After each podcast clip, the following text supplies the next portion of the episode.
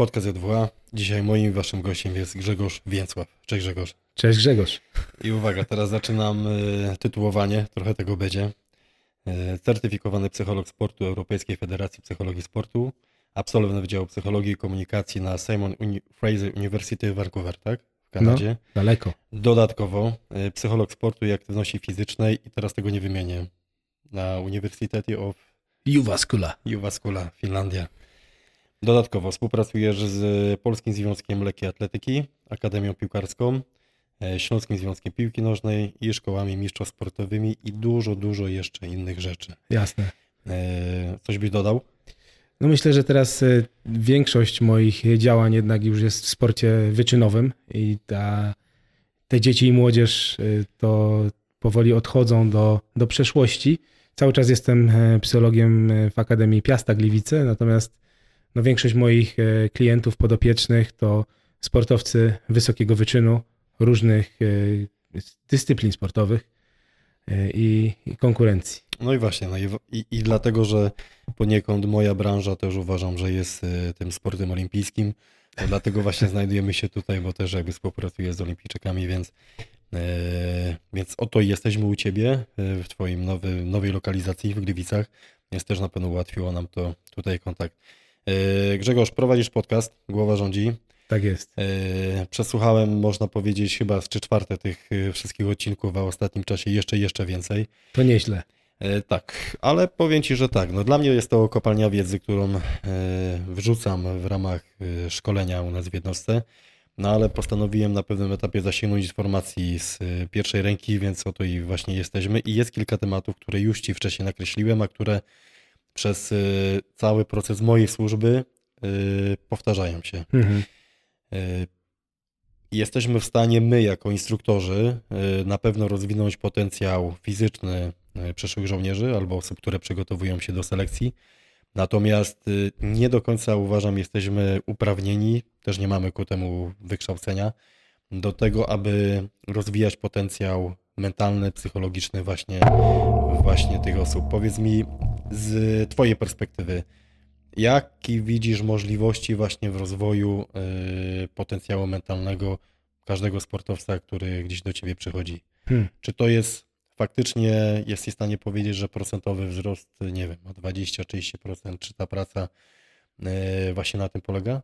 Nie, to, to, to są zyski marginalne. To mhm. są często zyski e, rzędu 1, a może nawet 0,5% w tym sporcie najwyższego wyczynu, bo trafiają do mnie no, zawodnicy bardzo utytułowani, którzy e, już mają wypracowane pewne schematy działania i potrafią się odnaleźć w sytuacji Y, wielkiego stresu, presji związanej z, z wykonaniem, więc y, często szukamy zmian, nie powiem kosmetycznych, bo to chyba za, za, za zbyt będzie minimalizować tę naszą pracę, ale szukamy na pewno usprawnień, bardziej dokręcamy, dokręcamy śrubki niż budujemy stelaże. Mhm, mhm. Jak widzisz pod kątem, bo kształciłeś się właśnie w Kanadzie i w Finlandii, jak widzisz ten przeskok y, pomiędzy tamtymi metodami, a tym, co dzieje się w Polsce? Hmm. Jeżeli chodzi o kształcenie, czy jeżeli no, chodzi o no bo tam praktykę? Nabywa, tam nabywałeś jakby główną wiedzę, prawda? Czy to, co tam nabyłeś, jest w stanie jakby w 100% przenieść tutaj na nasze środowisko? Hmm. No to, to nie, nie mam porównania tak na dobrą hmm. sprawę, bo, bo tutaj na uczelni, na uczelniach w Polsce dorabiałem tylko E, studia podyplomowe i gdzieś tam starałem się nostryfikować swój dyplom, więc nie mam mhm. takiego porównania jeden do jednego, ale na pewno to, co jest e, inne i, i, i co kontrastuje między moimi doświadczeniami na zachodzie z tym, e, z czym tutaj się spotkałem, albo to z tym, co opowiadają znajomi, to to, że, że jest większy poziom partnerstwa z prowadzącymi Mhm. E, I ta hierarchizacja, przynajmniej na uczelniach, jest, e, jest mniejsza i wie, więcej e, tego przywództwa jest, powiedzielibyśmy, demokratycznego. Mhm. I, i, I to widać zarówno w świecie sportu, jak i w świecie, powiedzmy, uczelnianym. Wiadomo, że są momenty i są sytuacje, w których to przywództwo demokratyczne nie jest możliwe i i potrzebujemy kapitana w zespole, trenera, który, który, który poprowadzi. ale generalnie no, ten kontakt z profesorami był tam no, taki, nawet bym mógł powiedzieć kumpelski. Oni Mhm. chcieli, chcieli z nami przebywać i przekazywać tę wiedzę nawet w takich e, sytuacjach nieformalnych. I myślę, że to jest taki największy, e, największy kontrast. Y, Jak przyjechałeś, wróciłeś do kraju, na jakim, bym powiedział, etapie był, była kwestia psychologii sportu i treningu mentalnego w Polsce? No, myślę, że y, psychologia sportu w naszej części świata jest y, dosyć dobrze rozwinięta i, i te korzenie sięgają y, tra tradycji radzieckich, gdzie psychologowie mieli bardzo dużo do powiedzenia w, w sporcie, tym olimpijskim, wysoko kwalifikowanym. Pierwszy psycholog sportu, który pojechał na igrzyska w historii, y, to był Czechosłowak y, w 1968 roku. To był chyba Meksyk, jeżeli dobrze kojarzę. To na, nasi rodzice będą pamiętać. Być może, tak.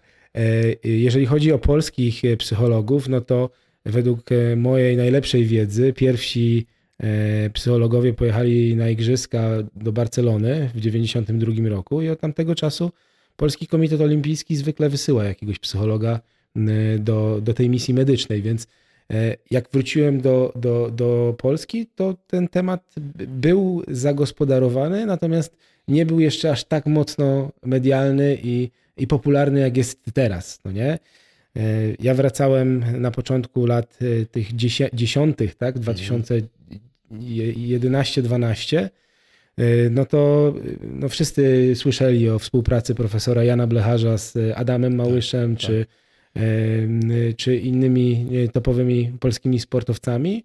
E, No teraz e, ten psycholog w świecie sportu już nie jest żadną niespodzianką i jak słyszymy, że ktoś współpracuje i, i, i dba o swój e, o swoje przygotowanie psychologiczne do wykonywania określonych zadań na arenie zmagań sportowych i jednocześnie o swoje zdrowie psychiczne, bo to są dwie ścieżki, Tak. które idą równoległe, no to już nikogo to nie dziwi. To jest to- nawet na plus chyba. To jest nawet y, wręcz powiedzieć, tak, myślę, że myślę, że tak i czasami e, też się spotykałem z takimi sytuacjami, że ktoś chciał m, zatrudnić mnie w organizacji tylko dla, Warto mieć dla pozoru. No właśnie. No i mamy tego psychologa. No jest on tam raz na, y, na, na kwartał, przychodzi. Robi, robi robotę. Tak, daje jeden wykład. E, Natomiast no, ta praca psychologiczna, zresztą jak każda inna praca treningowa, to jest proces i, i tutaj no, nie przepisujemy magicznych mikstur czy tabletek, Mhm. e, no tylko wspomagamy ten, ten, ten rozwój e, mm, no, na przestrzeni jakiegoś czasu. A, y, czy poprzez to, bo jesteś autorem podcastu Głowa Rządzi i po części o rzeczy, o których będziemy dzisiaj rozmawiać, to one będą kumulowały wiele, wiele odcinków, które u Ciebie są całkowicie spersonalizowane, dlatego też polecam e, wszystkim przesłuchać sobie tą tematykę. Masz to dosyć fajnie opisane e, na platformie Spot i teraz też na, na YouTube wrzucasz, więc jeżeli ktoś ma konkretne zagadnienie, to z łatwością to tam odnajdzie. Natomiast wiadomo, że dzisiaj ja tutaj będę chciał wyciągnąć jak najwięcej, bym powiedział, tego przysłowiowego Wyciskamy mięsa. esencję. Tak, esencja i Mięso. e, wyciskamy. Natomiast powiedz mi jeszcze, jak poprzez Twój kontakt z gośćmi na przestrzeni tych kilku lat, gdy prowadzisz podcast, e, no to też wzbogacasz swoją wiedzę. Też to zmienia trochę Twój punkt widzenia?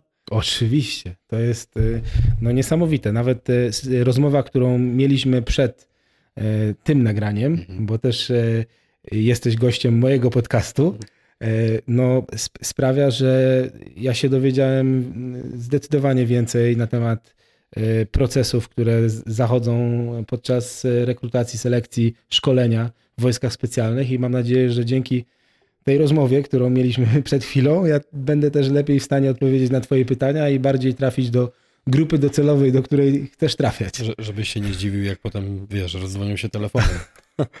No ale też po części to jest jakby celem tego, żeby e, ludziom pokazać przestrzeń właśnie na kreowanie tego potencjału Mm. Mm, Więc okej, przejdźmy jakby do takich tematów, które podejrzewam jakby mnie interesują, ale też w bardzo dużym stopniu interesują te osoby, które są słuchaczami, czy te, dzisiaj mają obraz y, audio-wideo. Y, Jednym z głównych problemów osób, które przygotowują się do selekcji jest to, że one są w stanie y, same zaprogramować swój trening fizyczny, Mhm. Natomiast nie idzie za tym trening, właśnie ten mentalny trening psychologiczny. Czy to, co mówimy, selekcja, czyli 5 dni ciężkiej wyrybki w górach, dużo stresu, dużo krzyku, dużo też zadań, y, działanie pod ciągłą presją. Y, Powiedz, czy osoby mogą w jakiś sposób samodzielnie, y, będąc wystarczająco świadomym, pogłębić troszeczkę ten swój potencjał psychologiczny i mentalny? Czy są właśnie jakieś tutaj metody, które mógłbyś polecić? Mhm. Znaczy ja myślę, że przede wszystkim e, dobrze jest mieć jakąś e, bazę e, treningu relaksacyjno-wyobrażeniowego. Tak Mhm. bym to określił bardzo ogólnie, bo na, na tej bazie możemy budować różne inne e, metody i umiejętności e, treningowe. E, Uważam, że e, tego typu e, działania e, trochę uczą nasz, nasz własny e, układ nerwowy, w jaki sposób e, jesteśmy w stanie się dodatkowo pobudzić wtedy, kiedy to jest konieczne, e, a kiedy właśnie ostudzić i zrelaksować e, ciało i umysł po to, żeby choćby odpocząć wtedy, kiedy mogę odpocząć, no nie? E, Więc to jest, e, wydaje mi się, że taka, że taka baza. I, I teraz, jeżeli chodzi o sam, same protokoły treningowe w kontekście relaksacji, no to mamy takie, takie trzy potencjalne ścieżki, które mogą zainteresować kandydatów do selekcji w jednostce wojsk specjalnych. Pierwszym e, jest taki e, tradycyjny, e, tradycyjne podejście relaksacji progresywnej. To jest relaksacja mięśniowa, gdzie, gdzie my uczymy się kontrastu pomiędzy zaciśniętym a rozluźnionym mięśniem i robimy to bardzo świadomie. I trzymamy tą fazę zaciś, za, za, zaciśniętego mięśnia przez około 5 sekund i rozluźniamy z wydechem i pozwalamy na, na, na to, żeby ten mięsień był rozluźniony przez około 25-30 sekund. E, I w ten sposób uczymy się przede wszystkim y, tego, jak wygląda kontrast i, i co możemy zrobić w sytuacji, kiedy ten mięsień jest zaciśnięty. Bo do, do, szukamy tej, e, szukamy, budujemy to, tę tak zwaną relaks, reakcję relaksacyjną Bensona, czyli w sytuacji stresowej, Mhm. kiedy właśnie nie wiem, zaciskam szczęki, podnoszą mi się Spinam barki, się. spinam się cały, to ja mogę to zauważyć, docisnąć na chwilę, zupełnie jak w tym treningu relaksacyjnym i z kolejnym wydechem trochę rozluźnić, tak? E, I to jest e, trening, który e, uważam, że każdy sportowiec czy każdy przyszły operator fajnie, żeby, żeby miał przepracowany. Te protokoły różnią się, ale Mhm. myślę, że takie 6-8 tygodni jest niezbędne do tego, żeby tę reakcję wy, wyrobić. Mówimy tutaj o zaciskaniu typowo pięści, nie wiem, poprzez chociażby, nie wiem, pijeczkę tenisową, czy tutaj spinanie, nie wiem, całego ciała. Mamy, mamy, mamy, mamy takie, takie skrypty relaksacyjne, Mhm. w których możemy przejść przez całe ciało. Czyli albo e, trening autogenny Schulza? To za chwilę. Mhm. To jest na razie, na razie mięśnie, Mhm. tak? Czyli Mhm. na razie idziemy od mięśnia do, do głowy, potem pójdziemy od głowy do, do mięśnia. Mhm. Czyli tak jak powiedziałeś, ścisnąć Tak. na maksa. Ale jeżeli ktoś pozwolić. jest zainteresowany, to może, może, może myślę na, na YouTubie takie, Mhm. takie skrypty znaleźć. To, to nie jest żadna tajemna wiedza e, i, i, i takie skrypty są po prostu dostępne. Mhm. Czasami, jeżeli mam więcej czasu, e, to staram się to rozbić na przykład na e, poszczególne partie ciała, że na przykład ten tydzień Mhm. tylko nogi, no trochę jak w treningu fizycznym, tak? Mhm. A potem tylko góra e, i, i można w ten sposób sobie popracować i też e, w sporcie to widać bardzo wyraźnie. Ty mi powiedz, czy tak samo jest w, w, w przygotowaniach do, e, do działań, e, do, do, do szkolenia, czy, do, czy potem też do działań bojowych, że często my tego, tych zaciśniętych mięśni nie, Nie czujemy. nie czujemy, nie jesteśmy ich świadomi, dopóki to napięcie nie zejdzie już później. Czyli sportowiec czuje, że był zestresowany dopiero jak stres zaczyna schodzić, a my chcemy się złapać na tym, że o, o, tutaj jestem kurde spięty, coś mogę z tym zrobić. Mogę docisnąć, zaakcentować. Czyli być świadomym wydechem. tego, że właśnie występuje ten moment Tak. stresu. Tak. To często właśnie zaciśnięta szczęka, nie? No to są, to są takie jest. punkty tutaj, tak? Tak. Właśnie barki, szczęki, skronie. Tak. To, tutaj można... Dlatego niektórzy są cały czas zdziwieni. Tak. No właśnie, to właśnie. Więc to jest jakby pierwsza taka ścieżka. Mhm. Uważam bardzo sensowna, szczególnie dla tych osób, które e, odczuwają ten stres właśnie w ciele. Mhm. Tak byśmy powiedzieli, że, że, że stres, napięcie przede wszystkim no, no czują w mięśniach, czują e, w, w, w takich reakcjach stricte fizjologicznych. E, Druga ścieżka jest te, taka, o której powiedziałeś, czyli trening autogenny. I tutaj w, w treningu autogennym jakby myślimy o tym, żeby zrelaksować poszczególne części ciała, e, starając się wytworzyć w nich ciepło, ciężar, ale już jakby nie jesteśmy aktywni e, somatycznie, czyli nasze ciało się nie napina, nie rozluźnia, tylko staramy się zwrócić uwagę na poszczególne mięśnie i oddychając do nich jakby sobie je rozluźniamy. Też spoko. To tak z, z takich tradycji jogowych się wy, wy, mhm. wy, wy, wykluło i teraz też ludzie z tego korzystają.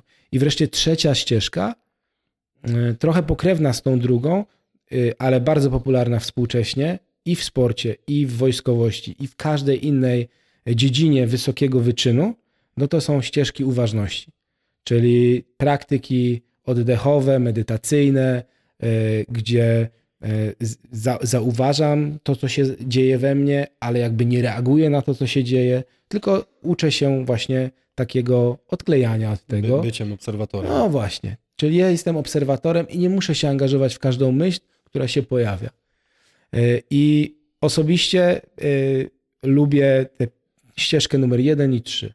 Mhm. I, I w ten sposób staram się e, pracować z zawodnikami, rozpisywać ten trening relaksacyjny jako taką, taką bazę do budowania tego, co dalej. A na tej bazie możemy budować choćby te wyobrażenia, czyli możemy sobie wyobrażać. Wizualizacje. Dokładnie, różne, różne sytuacje, które potencjalnie mogą się wydarzyć. I to wcale nie, nie chodzi tutaj o to, tak jak w tym pop psychologicznym podejściu, że ja sobie wyobrażam, że jestem zwycięzcą i po prostu tam jadę i, i, i da, pierwszy, pierwszy tak, dokładnie i daję radę i w ogóle wszyscy mnie klepią po plecach i e, to może być nawet kontrproduktywne. Są takie badania, które mówi, że jeżeli ty sobie wyobrażasz sukces, to twój umysł postrzega jako, e, jako, jako rzecz odhaczona. odhaczona. I już nie musisz się starać przecież, no bo odhaczone. Bardziej Psychologia sportu mówi o tym, żeby wyobrażać sobie proces, wyobrażać sobie nawet trudności, z którymi ja sobie radzę. E, I tych scenariuszy, e, to sam najlepiej wiesz, e, trudności w tym procesie selekcji, potem na szkoleniu bazowym jest pewnie multum i, i wszystkich też nie jesteśmy sobie w stanie wyobrazić, ale ważne, żeby w tych, tym treningu wyobrażeniowym kreować tak, taki obraz samego siebie, że cokolwiek by się tam nie spierdzieliło, to ja sobie poradzę, ja znajdę jakieś rozwiązanie.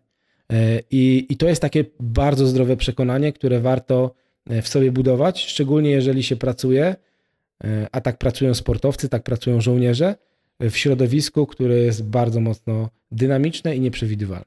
Czyli nie, nie wizualizujemy sobie tego efektu końcowego, ale tak jak powiedziałeś, bardziej proces, czyli przykładowo teraz przenoszę się, jestem na selekcji, jest y, ciężko, jestem tak. już przykładowo po pełnym dniu marszu, mam jakby chwilę odpoczynku, ale czuję się bardzo zmęczony, więc jednocześnie mogę sobie wyobrazić, że y, moje samopoczucie, nie wiem, powoli się jakby poprawia, że odzyskuję siły i że przykładowo jestem y, gotowy i zwarty do kolejnego zadania. Mhm. No, jakby nawet nie, nie musisz sobie wyobrażać mhm. tego, że twoje samopoczucie się poprawia, bo zakładam, że po pięciu dniach takiego ciorania, no to ty się nie czujesz jakby zbyt dobrze. Nie chcemy tutaj zakłamywać rzeczywistości. Chcemy sobie wyobrazić, że ja jestem po prostu mhm. wyjebany. Ściorany, jestem ściorany. No, i... I, i po prostu y, chcę, chcę sobie to wyobrazić, bo, bo tak prawdopodobnie będzie. I, I ja będę musiał przez to przejść. Y, I, I w tej sytuacji ja mogę sobie wyobrazić, że okej, okay, dobra, tak się czuję i dobra, co teraz? No jakby jakie, jakie mam punkty zaczepienia? Na czym ja mogę się skupić? E, no dobra, mogę się, nie wiem, e, skupić na jakimś zadaniu, które mam do wykonania, e, albo mogę się skupić na, na samym sobie przez chwilę, na swoim oddechu, na to, żeby właśnie się, się, się wyciszyć i, i poodklejać od tych myśli, które tam się, idę o zakład, kotłują. Często jest takie pojęcie, trochę też u ciebie w podcaście o tym słyszałem, takie skanowanie swojego ciała. Można. Powiedz, co ono ma na celu? Bo to jest taki szybki proces, i co on właśnie ma na celu? Y, no, skanowanie ciała to też y, jedna z takich y, podstawowych medytacji, które można wykorzystać w przygotowaniu jak najbardziej, a potem też można robić taki szybki check-in z, z własnym ciałem, nawet w sytuacjach, w których jest ciężko, bo no nie wiem, zakładam, że, że po, po całym dniu marszu boli mnie, boli mnie kostka albo mam, mam obtarcia, mam tak. obtarcia i one pieką i i mogę sobie przeskanować y, ciało w taki sposób, że ok, jestem na tych stopach i potem idę dalej i w sumie no ta uwaga od tych piekących mhm. stóp przeszła już na kolana. Ok, kolana też trochę bolą, ale już może trochę mniej i jakby idę sobie, sprawdzam, robię, robię, robię taki, taki skan, który z jednej strony y, absorbuje uwagę, tak? bo nie, mhm. nie, nie skupiam się tylko i wyłącznie na tej, dajmy na to, bolącej części ciała, ale też y, patrzę, patrzę globalnie, a z drugiej strony też bardzo często zawodnicy mówią o takim y, odczuciu re, relaksacji tak? I, i odpoczynku. Te protokoły, o których powiedziałeś, tak wspomniałeś, jakby to jest pewien proces, który musi wejść w nawyk. Nie? To jest. nie może być, że tak powiem, odklejone, yy, robić to raz po prostu w tygodniu, bo to nie będzie zamierzonego efektu. No tak jak ktoś by poszedł raz w tygodniu dźwigać ciężary. Na 10 godzin. No na przykład, no nie, no nie. Yy, Tutaj regularność no właśnie.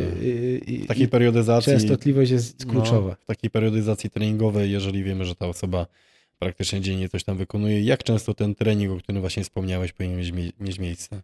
żeby wykształcił faktycznie tak. w nas. Ja jestem zwolennikiem tego, żeby robić to codziennie e, i, i wygospodarować ten czas e, w tych e, protokołach medytacyjnych, którymi prowadzę sportowców, to nie, zwykle nie jest więcej niż 15 minut, mhm.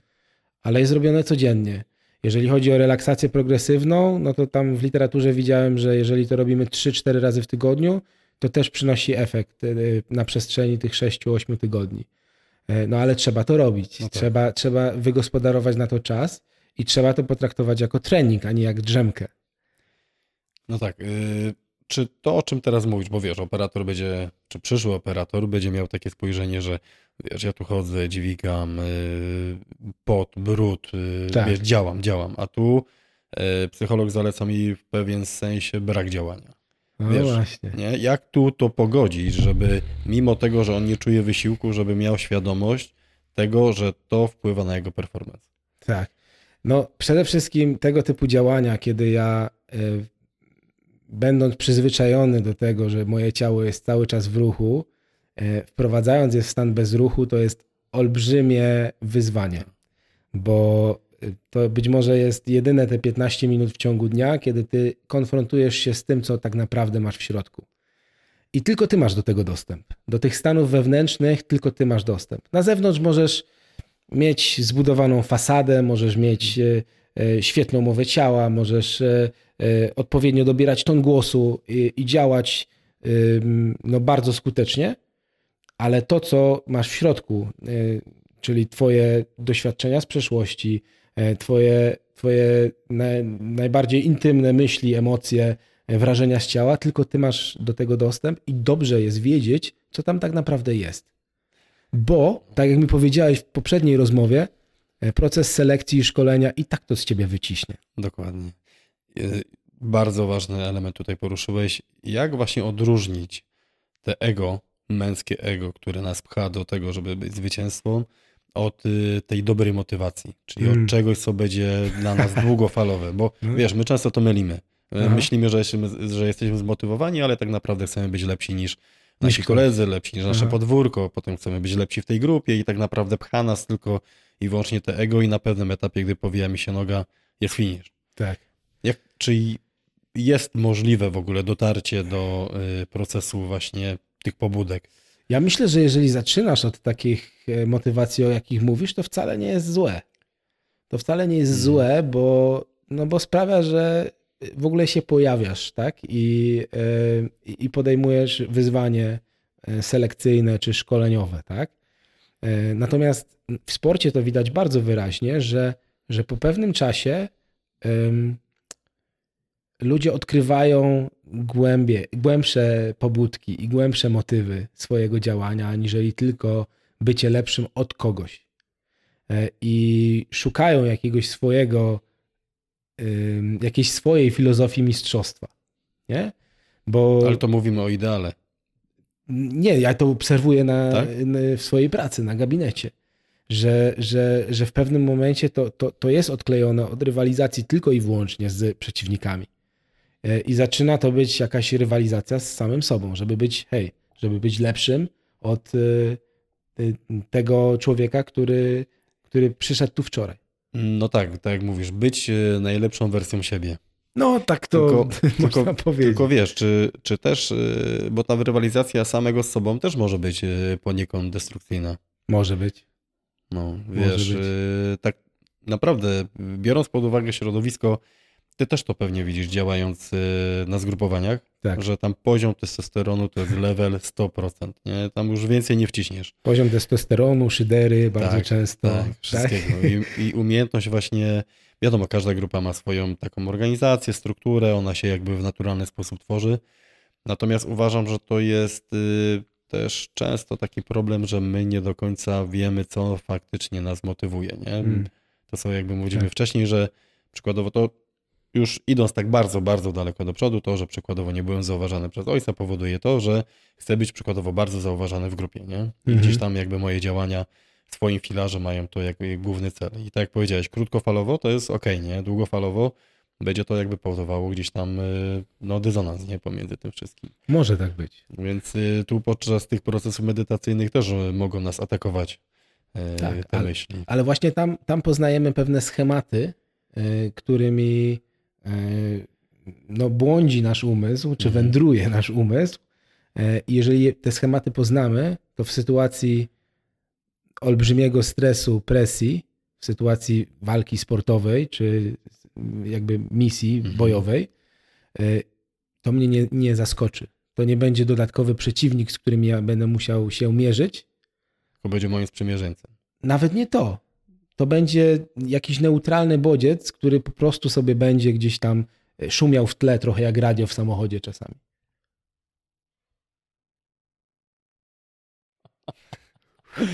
No widzisz, udało się.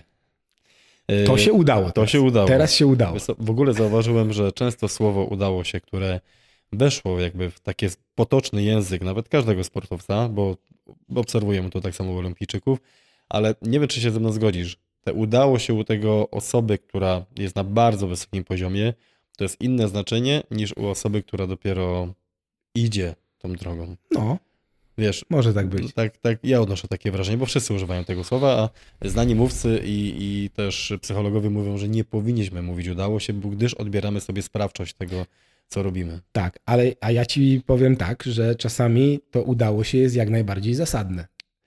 Bo, bo rzeczywiście się udało. I, i jakby. Czyli, że wierzymy w splot wydarzeń? Na przykład, no nie? Y, y, I, i nie wiem. Taki przykład, że ktoś e, nie kwalifikuje się na y, docelową imprezę, ale ktoś tam się wycofuje i Mhm. okazuje się, że dostaje powołanie. No to wtedy się trochę udało.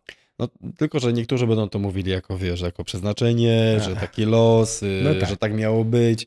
Myślę, że to jest też kwestia jakby naszych przekonań. Tak. Nie? Takich Na, naszych znaczy na pewno jakby poczucie sprawczości y, jest, y, Tak. jest pozy, pozytywnym wyższy, atrybutem. Tak, coś, że coś tam prowadzi nas.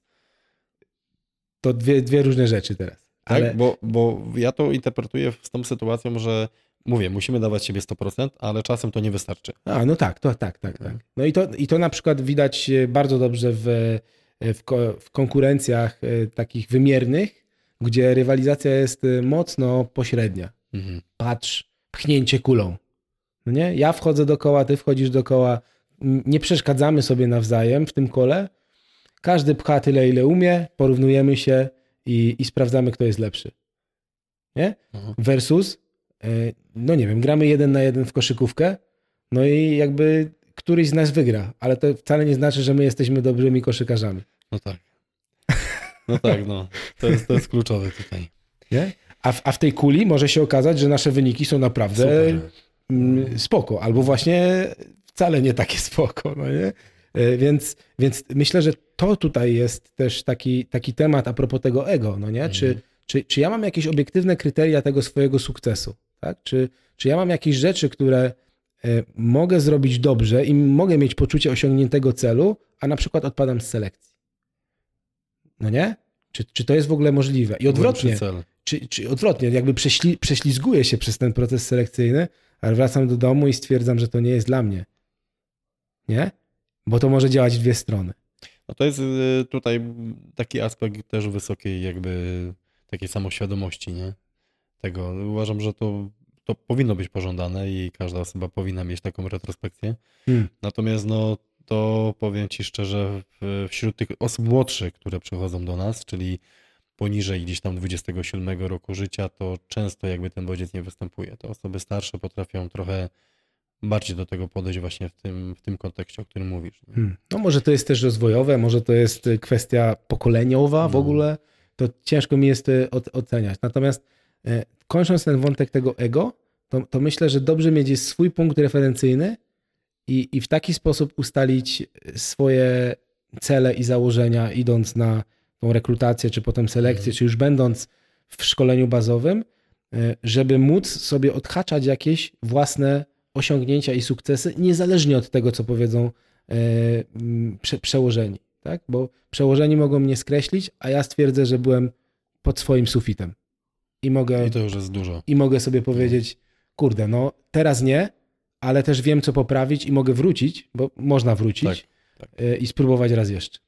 No i właśnie y, wejdźmy już ten proces y, takiego szkolenia bazowego z racji tego, że selekcja to jest tylko 5 dni, więc w jakimś moim poczuciu to jest jakby taki krótkotrwała obserwacja psychologa i też sytuacja stresowa, natomiast potem ta osoba wchodzi w ten taki roczny okres szkolenia i tam jest nieustannie pod presją tego, że odpadnie, że czegoś nie zaliczy, działa już w jakiejś wyselekcjonowanej grupie, która jest na wysokim poziomie, a też pokazuje nam statystyka, że odpada około od 30 do 50% y, takich żołnierzy odpada właśnie w trakcie tego szkolenia bazowego. Yy, W jaki sposób Są, jak, są jakieś takie momenty, kiedy, kiedy te, Tak, te odpadanki tak. są najczęstsze? Dużo odpada osób na szkoleniu strzeleckim z tego względu, że poziom ryzyka popełnienia błędu w sytuacji oddawania ognia no może kogoś kosztować życie, więc tutaj jest bardzo duża presja postawiona właśnie na środki bezpieczeństwa.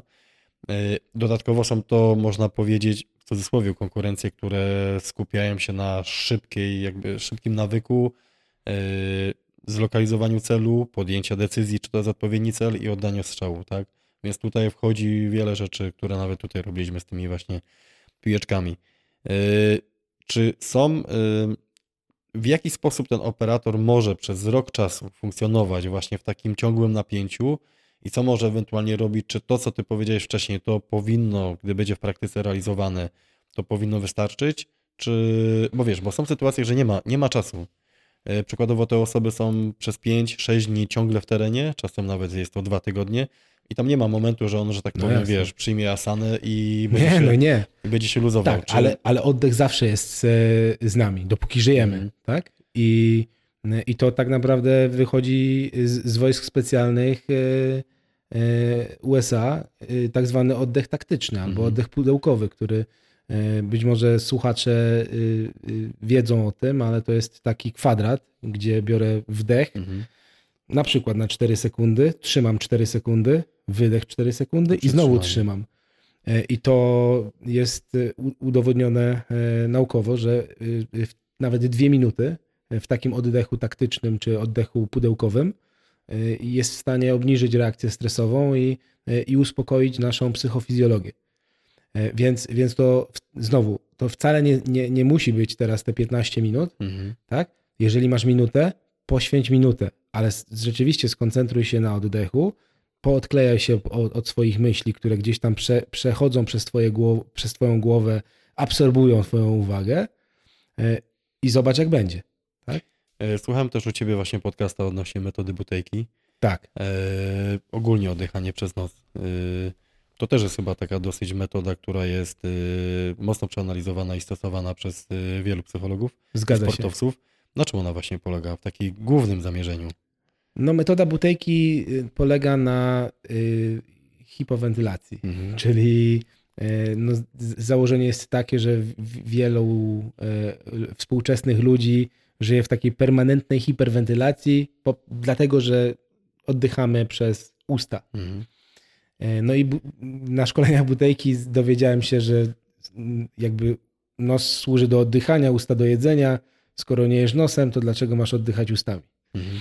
E, No i to jest jakby głó- główne założenie tego, natomiast tam chodzi też o budowanie takiej tolerancji na dwutlenek, dwutlenek węgla No i jakby uspokajanie tego oddechu, sprawianie, że on jest właśnie równy, spokojny, miarowy i, i to idzie w tę stronę. Tam są metody między innymi właśnie pauzy kontrolnej, które, która pozwala nam ocenić ten, ten obecny stan tolerancji na, na, na, na dwutlenek węgla i na tą właśnie no, na to nieoddychanie, tak bym powiedział. E, tutaj są też jakby metody zaklejania ust w trakcie snu. E, to wszystko jakby jest ta, ta, ta sama szkoła. Czyli ma przyczynić się do tego, że będziemy praktykować oddech przez noc. Mm, tak, ale, ale dzięki temu będziemy wydolniejsi i, i, i zdrowsi. No nie? Bo... A, a kojarzysz, jak to się ma do właśnie metody Michofa? Bo ona też jest okay. bardzo popularna. To, to ja myślę, że tutaj mogę odnieść e, słuchaczy do 88 odcinka podcastu mm. Głowa Rządzi, gdzie Sandra Osipiuk, która jest trenerką oddechu, e, bardzo fajnie tłumaczy różnicę między Hofem a Butejką. E, koniec końców konkluzja jest taka, że to są różne drogi do tego samego celu. Mm. To dobrze, bo dużo się pozycji teraz jakby na ten temat pokazało. Wim Hof jest bardziej spektakularny, no tak. tak. się... Y, Świeższy, nowszy jest, tak to Tak, powiem. no i, i, lepiej jest wypozycjonowany, no. Nie? Bo Butejko to jest jakiś, y, y, to, to są jakieś lata 20 tak. chyba, czy 30 zeszłego wieku.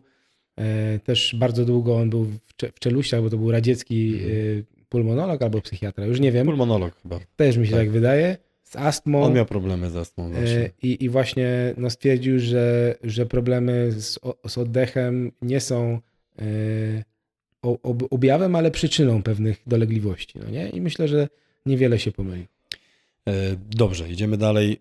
Mamy tego operatora, w, uczepmy się już jakby tej fazy strzeleckiej, gdzie mm, wymagamy od niego działania szybkiego, szybkiej reakcji, czyli układ nerwowy musi pracować na bardzo wysokich obrotach, musi ocenić sytuację, musi oddać strzał. Mm, to ogólnie potem. Albo nie. Albo i nie. No. Czasem lepiej jak nie. No. E, I ogólnie jakby w pozostałych fazach szkoleniowych także ten czas reakcji i oceny sytuacji i wydania decyzji jest bardzo ważny. W jaki sposób tutaj psychomotoryka y, może nam pomóc, żeby u tego operatora właśnie ta droga przez układ nerwowy była jak najszybsza? No ja tutaj bardzo e, mocno promuję taką psychomotorykę za 5 zł, tak to mhm. nazwałem, e, w, w rozmowie z tobą i też z innymi trenerami e, umiejętności psychomotorycznych. E, śmiejemy się, że no teraz technologia poszła tak do przodu, że jeżeli ktoś włączy Instagrama i sobie zobaczy, jak może wyglądać trening psychomotoryczny, no to zobaczy sprzęt za wiele tysięcy euro. Tak. Natomiast bardzo dużo rzeczy możemy zrobić własnym sumptem za te przysłowiowe 5 zł. Tu właśnie w tle są to rzeczy, którymi tak. trenowaliśmy. tak, no ta, tam są przede wszystkim piłki do tak. żonglowania, które e, no ja mam takie e, faj, fajniejsze, że tak mhm. powiem, e, uszyte na miarę, no ale piłki tenisowe jesteśmy w stanie kupić w każdym sklepie sportowym i możemy nauczyć się takiej podstawowej kaskady, żonglując trzema piłkami w powietrzu, o ścianę, o podłogę i to już jakby sam proces uczenia się pozwala na lepszą koordynację e, wzrokowo-ruchową, e, lepszy czas reakcji, e, poszerzenie się tego pola widzenia. I, i to są takie umiejętności, o, o które tutaj myślę chodzi w tym elemencie szkolenia związanego ze strzelaniem. Tak? Co one dają jakby w konsekwencji? stosowanie tych metod, wiesz, właśnie co one jakby wytwarzają, nie? Bo wiesz, ja to wiem, ale chcę, żeby jakby Jasne. Nasi... No, no przede wszystkim y, czas zwalnia wtedy, mm. kiedy masz po, podjąć jakąś decyzję, no nie, bo zaczynasz widzieć więcej. Trochę, trochę y, no ja w swoim życiu, y, odkąd żongluję, to, to, to, to już nie zbijam szklanek, które mi mm. wypadają z szafki, no nie? Tylko, y, tylko je łapię. Albo w ogóle nie dochodzi Al, do... Albo w ogóle nie dochodzi do, do, do, do, do zrzutki, no nie? E, ale myślę, że no tak jak sobie czasami wyobrażamy, e, na filmach to tak jest pokazywane, że, że ten sportowiec jest w takim stanie flow, no nie, i wszystko dzieje się w takim e, slow motion, to wydaje mi się, że osoby, które praktykują ćwiczenia psychomotoryczne, mogą opowiedzieć o podobnych wrażeniach. Że tego czasu na decyzję jest po prostu więcej, bo no, pewne rzeczy są skoordynowane i, i prze, prze, prze, przepalone trochę, mhm. E, przetrenowane i, e, i myślę, że to są takie najważniejsze korzyści. Poza tym e, taka żonglerka to jest znowu tylko taka umiejętność bazowa, bo jak już ktoś potrafi taką kaskadę, no to wdrażamy różnego rodzaju ćwiczenia percepcyjne, czyli postrzeganie kart, światełek i, i na podstawie tego, co ktoś zobaczy, ma, ma podjąć określone działanie. Więc no tutaj mamy, mamy tak, mamy, najpierw musimy coś dostrzec. Bazowo tak? w ogóle. Nie? Tak, czyli to jest jakby pierwszy krok. To, co dostrzeżemy, musi zostać dostarczone przez zmysły do mózgu. Tam to jest mielone mm -hmm. i na podstawie tych informacji wychodzi jakaś decyzja w postaci najczęściej jakiegoś działania albo braku działania, czyli zahamowania tego działania. E, no i trenując to, no to po prostu przyspieszamy ten proces. Czyli to, co robiliśmy przykładowo z tą piłeczką, która świeci na różne kolory. Na różne kolory. Czyli tak jak powiedziałeś, w momencie, gdy ona uderza o podłogę i dan, dany kolor, który wyskakuje, to wtedy chwytam czy prawą, czy lewą ręką, tak. czy, czy obiema rękami. Oczywiście potem mogę to utrudniać, bo mogę dłonie tak. mieć załóżmy splecione nad, za sobą, mogę tak. mieć dłonie splecione na głowie. Równocześnie, jeżeli nie mam takiej super świecącej piłeczki, e, to mogę mieć normalną e, piłeczkę przykładowo i drugą osobę, która w momencie uderzenia powie dany kolor na przykład. Na przykład, nie? na przykład. E, jak ty właśnie postrzegasz te rzeczy, o których mówimy w pracy z swoją, jakby ze swoimi sportowcami? To bardzo zależy od dyscypliny sportu, mm. no nie? bo nie każdy sportowiec potrzebuje wysokiej sprawności psychomotorycznej. Albo inaczej, może każdy potrzebuje jakiejś sprawności mm. psychomotorycznej, to, to chyba jest jasne, ale nie każdy potrzebuje tej, tej sprawności na takim samym E, na, na, tak samo wysokim poziomie, no nie? Bo jeżeli myślisz o właśnie o zawodnikach, którzy funkcjonują w środowisku dynamicznym, nieprzewidywalnym, gdzie wszystko się ciągle zmienia, patrz sporty zespołowe, i ja muszę cały czas skanować swoje otoczenie i wyłapywać te, te skrawki informacji, na podstawie tych skrawków informacji podejmować jakieś Zaczyna decyzje. Siatkówka? No tam też jest trochę skanowania. No, no Szczególnie no tak. jeżeli jesteś, wiesz, rozgrywającym, czy, czy próbujesz jakby wyczuć intencje e, drugiej strony i mhm. jakoś za, zablokować, pójść w dobrej opcji. Tam, tam też jest jakby ta nieprzewidywalność e, wysoka. I wtedy to wydaje mi się, że to jest bardzo ważne. E, jeżeli chodzi o takie konkurencje, które byśmy nazwali w teorii sportu zamkniętymi, gdzie właśnie no, to pchnięcie kulą, mhm gdzie ja wchodzę do koła i mogę zrobić wszystko po swojemu. Mam minutę i w tej minucie mogę zrobić wszystko tak, jak sobie zaplanowałem. No to wydaje mi się, że, że te potrzeby percepcyjne są zdecydowanie niższe. No nie? No tak. Yy, Okej. Okay.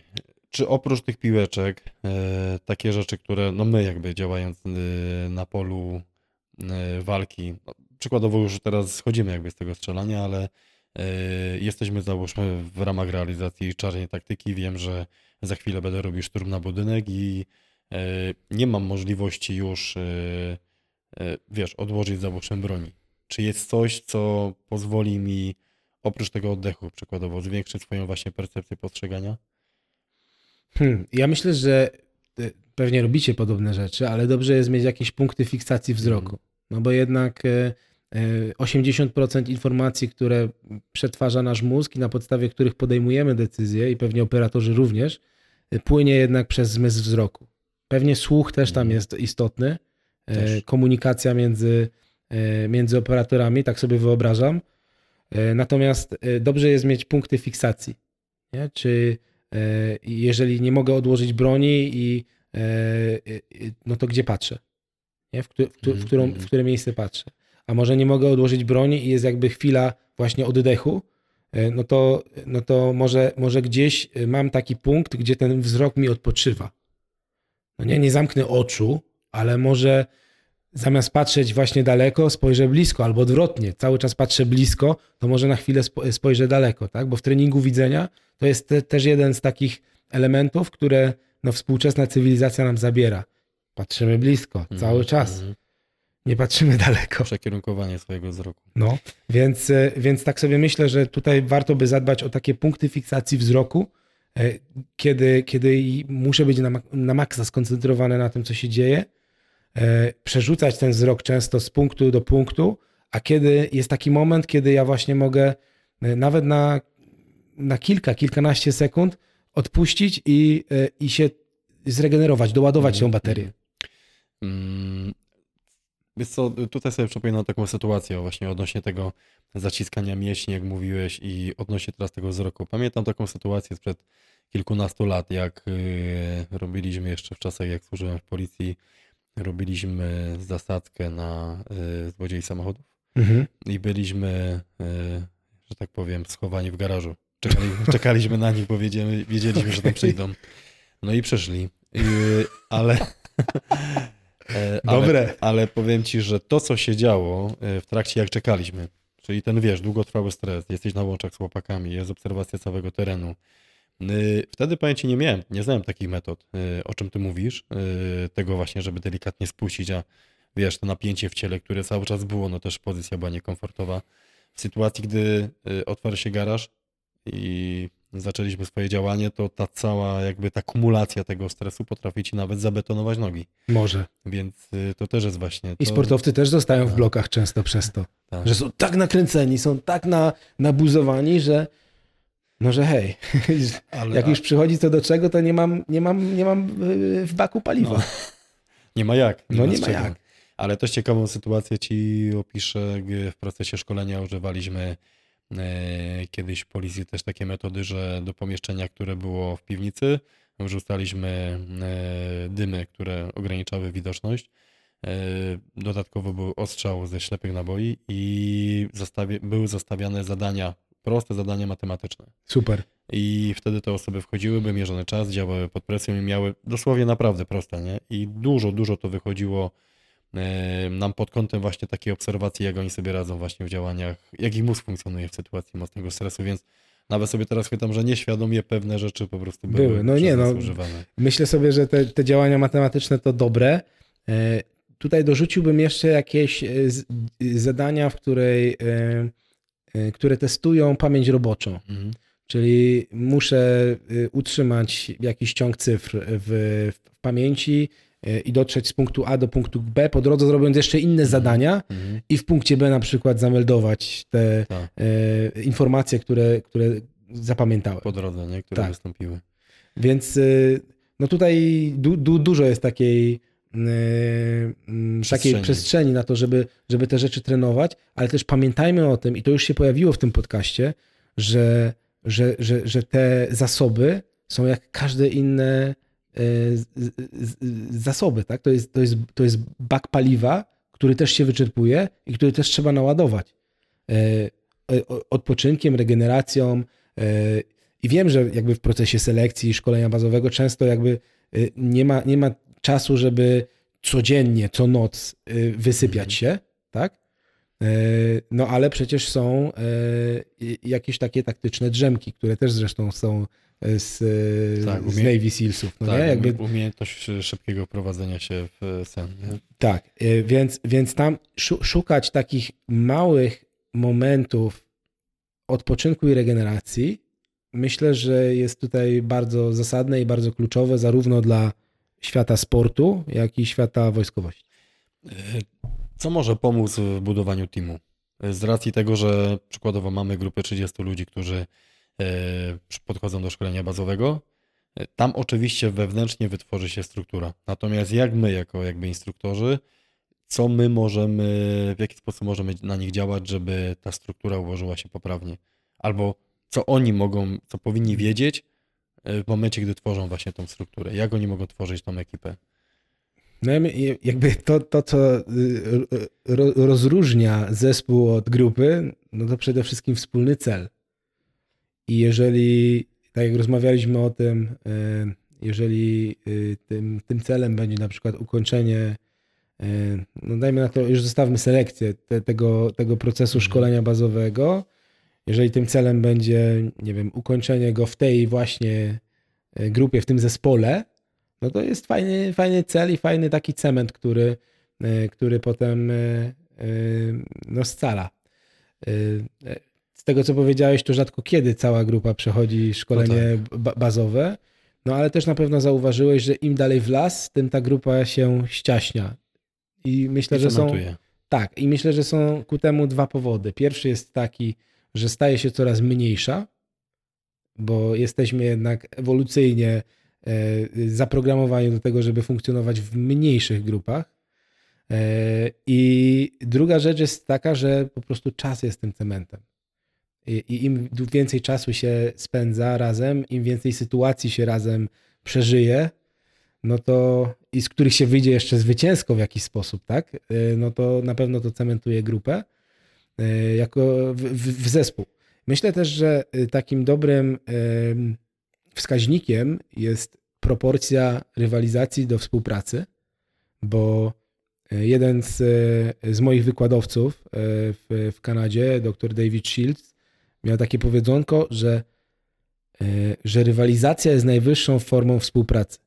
I uważam, że to jest bardzo prawdziwe, zarówno w sporcie, jak i w wojskowości, jak i w wielu innych dziedzinach high performance. -hmm i jednocześnie jakby często ta współczesna kultura i współczesny sposób myślenia każe z tej rywalizacji całkowicie rezygnować. No ale jeżeli ja zrobię wszystko, co mogę, żeby ograć cię w tego kosza jeden na jeden, jeden, na jeden. no to też popchnę ciebie do tego, żebyś ty dał z siebie maksa. I w ten sposób jakby napędzamy się do tego, żeby, e, no żeby ten mecz był jak najbardziej zacięty. E, i żebyśmy jakby no, osiągali jak, pełnię jakiegoś swojego potencjału. E, I to można już jakoś stymulować. Jeżeli zauważycie, że tej rywalizacji jest za dużo, no to można to jakoś ukrócić. Jeżeli zobaczycie, że, że ona jakby zanika i już nie ma tego puszu, no to też można jakoś zadziałać. Ja tutaj dawałem jako trochę taki przykład, nie wiem czy się zgodzisz, ale y, ten ostatni film y, Top Gun, i tam była ta scena pod kątem, nie wiem czy oglądałeś. Nie oglądałem Top Guna ostatnio. No to właśnie tam jest e, scena, w którym e, oczywiście mają zadanie do wykonania. E, finalnie po pewnym etapie procesu nauczania główny aktor bierze cały zespół na grę siatkówki na plaży, żeby się wyluzowali i żeby właśnie zawiązać te więzi, nie? Więc czasem też nie do końca ćwiczenie w polu będzie tak naprawdę cementowało. Czasem też ta sprawa prywatna też będzie powodowała, że te relacje będą się zwiększać. No tak, no jakby y, jak patrzę na to, w jaki sposób rozwiązują integrację y, trenerzy różnych zespołów, no to często to są y, jakieś wspólne przygody, tak? Kajaki, tak? Czy, czy nie wiem, wspinaczka, tego typu rzeczy się pojawiają, które z jednej strony są oderwane od tego, co robimy na co dzień, ale z drugiej strony też jakby są aktywnością fizyczną. Nie? Więc myślę, że, że to. E, no i e, oprócz tych e, rzeczy na pewno na pewno no, ten lider, tak jak powiedziałeś, no, w, każdej, w każdej grupie ludzi wyłoni się jakiś przywódca. Tak? To jest jak mhm. naturalny proces społeczny.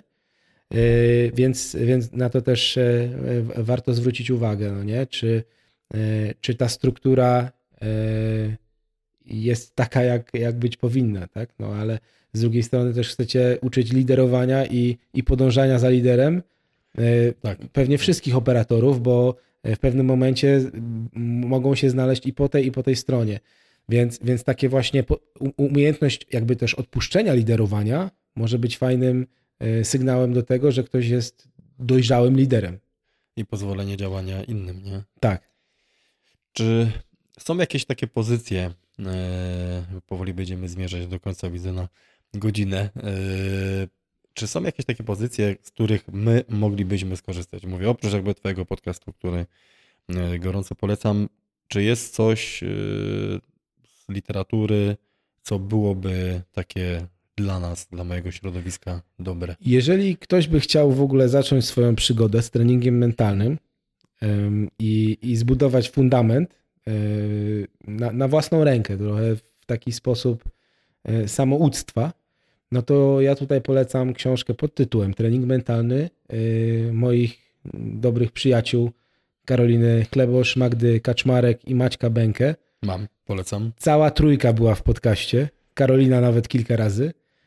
I to jest książka naszpikowana różnymi kartami pracy, historyjkami z, ze sportu wziętymi, I myślę, że jeżeli zamienimy e, sport na szkolenie bazowe, to w każdym przypadku e, te, to będzie dobry, dobry strzał i, i, no i taka, taka lektura może pomóc najpierw w przygotowaniu w ogóle do, do procesu selekcji, a potem do przetrwania tego szkolenia bazowego. Powiem ci mało tego, kilka, myślę, że się autorzy nie obrażą, kilka tych właśnie skryptów, ćwiczeń y, robiłem z tym jakby szkoleniem bazowym, więc y, też faktycznie fajna pozycja. Super. No to jest taki, ta, ta, ta, taki fundament. Jeżeli chodzi natomiast o, e, o tę stronę technik oddechowych, jeżeli któryś z, e, z przyszłych operatorów lub obecnych e, chciałby e, pogłębić swoją wiedzę i warsztat na ten temat, no to polecam takie dwie książki e, wydane przez wydawnictwo Galaktyka. James Nestor pod tytułem Oddech. E, Bardzo kompleksowa książka na temat psychofizjologii oddechu, jak sama, sam tytuł wskazuje. E, No i e, tlenowa przewaga to jest Patrick McCune e, i to jest taki Irlandczyk, który no, wziął tę metodę butejki, trochę już zapomnianą Mhm. i uwspółcześnił ją i też odniósł do przede wszystkim do świata sportu. Chyba dosyć świeża pozycja, tlenowa przewaga. No, Tak wydaje mi się, że, że jakieś 2-3 No. lata e, na, na rynku. Jeżeli ktoś też, e, a propos oddechu, tutaj też patrzę do tyłu, jeszcze jest Rickson e, Gracie, oddychaj. Oddychaj, życie w stanie flow. Jeżeli ktoś lubi brazylijskie jiu-jitsu. No. O, dużo, dużo. Tu w naszej tematyce jest.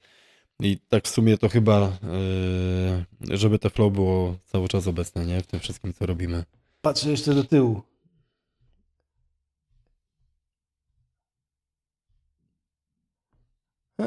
Myślę, że można, e, można jeszcze jedną e, pozycję po, polecić. E, absolutna klasyka, jeżeli chodzi o psychologię sportu i trening mentalny. Tenis wewnętrzna gra. Team Galway. Okej. Yy, Grzegorz, widzisz w ogóle przestrzeń dla siebie w tej działce? Widzisz podobieństwa? Po, mówię, siedzimy tu już trzy godziny. Czy widzisz podobieństwa w sensie jakby nazw wojskowych i struktur, które gdzieś tam mamy? Czy one właśnie są podobne do takich struktur, z którymi się spotkałeś? W sporcie Mhm. E, no, tak jak rozmawialiśmy, to wydaje mi się, że e, w wojsku jednak jest mniej przestrzeni na takie przywództwo demokratyczne. Mhm. E, Sport się dosyć mocno na to otworzył i do tego stopnia, że no, mamy Mistrzostwa Świata. Trener polskich piłkarzy ręcznych Patryk Grąbel bierze czas i się pyta, to co gramy? No nie? I, I takie przywództwo czasami też może mieć sens i może być skuteczne. E, Żeby nie było, że, że w jakiś sposób to deprecjonuje. E, Pomimo, pomimo wyniku, który, który ch- chłopaki osiągnęli na tych Mistrzostwach Świata, to uważam, że, że ono może też mieć miejsce i w ogóle jakby style przywódcze to nie jest tak, że jak wybieram jeden i się go trzymam kurczowo, tylko ja też mogę trochę szafować między tym bardziej e, autokratycznym, demokratycznym, trochę oddaję tej autonomii i, i tak dalej. Ale myślę, że w wojsku na, to jest, na ten taki No, flow zasko- między Zaskoczę cię. Zaskoczę cię, bo stylami jest mniej. Tak e, sobie wyobrażam. Wiesz co, trochę cię zaskoczę, bo y, jakby wojska specjalne charakteryzują się tym, że jakby ich działania są niekonwencjonalne, czy wychodzą poza pewne paradygmaty, które są wbudowane. Hmm. Więc y, powiem szczerze, że na pewnym etapie działania pola walki miks jakby tego wszystkiego jest używany. Finalnie oczywiście pewien szkielet musi być. Hmm. Natomiast y, myślę, że wszystko, o czym mówimy jakby dzisiaj, to myślę, że wszystko, o czym powiedzieliśmy, jest na to miejsce właśnie akurat, y, no, może nawet nie tylko w wojskach specjalnych, ale ogólnie jakby w naszych organizacjach. Znaczy, ja myślę, że, że w Polsce to dopiero się będzie działo, ale jak patrzę na e, działania moich kolegów, koleżanek po fachu e, w e, innych krajach, no to ta psychologia sportu, psychologia wykonania w ogóle, e, zastosowana w e, strukturach wojskowych jest e, czymś normalnym i dzieje się to na porządku dziennym. No i dlatego właśnie, że tak Dzisiaj powiem, jest, jesteś, jesteś gościem tego Ale podcastu. fantastyczne jest to, że w ogóle y, y, wojsko zaczyna chcieć o tym rozmawiać, tak samo jak sport y, chciał zacząć rozmawiać o, y, o, o psychologii. Wspomniany tu już profesor Blecharz y, kiedyś napisał, że, y, że, że sport może się obejść bez psychologów. No problem, ale bez psychologii już się nie obejdzie. I myślę, że tak samo można powiedzieć o wojsku, że, że tam ta psychologia będzie y, no, częścią y, tych działań i przygotowawczych, i bojowych.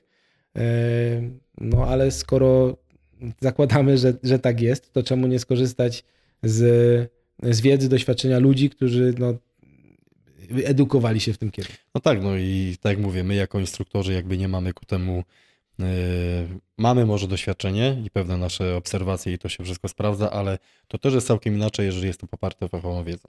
No, Jasne. tak jak u Ciebie, więc jakby kompilacja, myślę, tych dwóch rzeczy jest dobra i mam nadzieję, że może uda nam się Ciebie zaprosić na jakiś właśnie inwent selekcyjny, czy też preselekcyjny, żebyś zobaczył swoim okiem właśnie jak to, jak wygląda nasz świat psychologii. Okej, no, to miło. E, Ja też zapraszam e, słuchaczy e, tej rozmowy do podcastu Głowa Rządzi, bo e, tam już jest e, prawie że 100 Dużo. odcinków, więc jest w czym grzebać. To są 4 lata podcastowania, tak jak tu siedzimy, więc e, myślę, że są odcinki, które bardzo przypadną do gustu e, ludziom e, z twojej działki, z twojego środowiska. Mojej branży, jak się mówi. Tak. W szczególności myślę, że jeżeli mam polecić jeden, to polecę odcinek 38 i Tom, Tom, Tomasz Kozłowski, który e, no, skacze z bardzo dużych wysokości ze spadochronem. Mamy taki u siebie. No, Także y, podcast y, ze spadochroniarzem też przygotowani. Dobra Grzegorz, bardzo Ci dziękuję za pomoc i jestem przekonany, że nasze drogi jeszcze się na pewno y, będą gdzieś tutaj w Gliwicach łączyć. super. Ja również dziękuję za wizytę i, i do zobaczenia. Do zobaczenia, do usłyszenia. Cześć.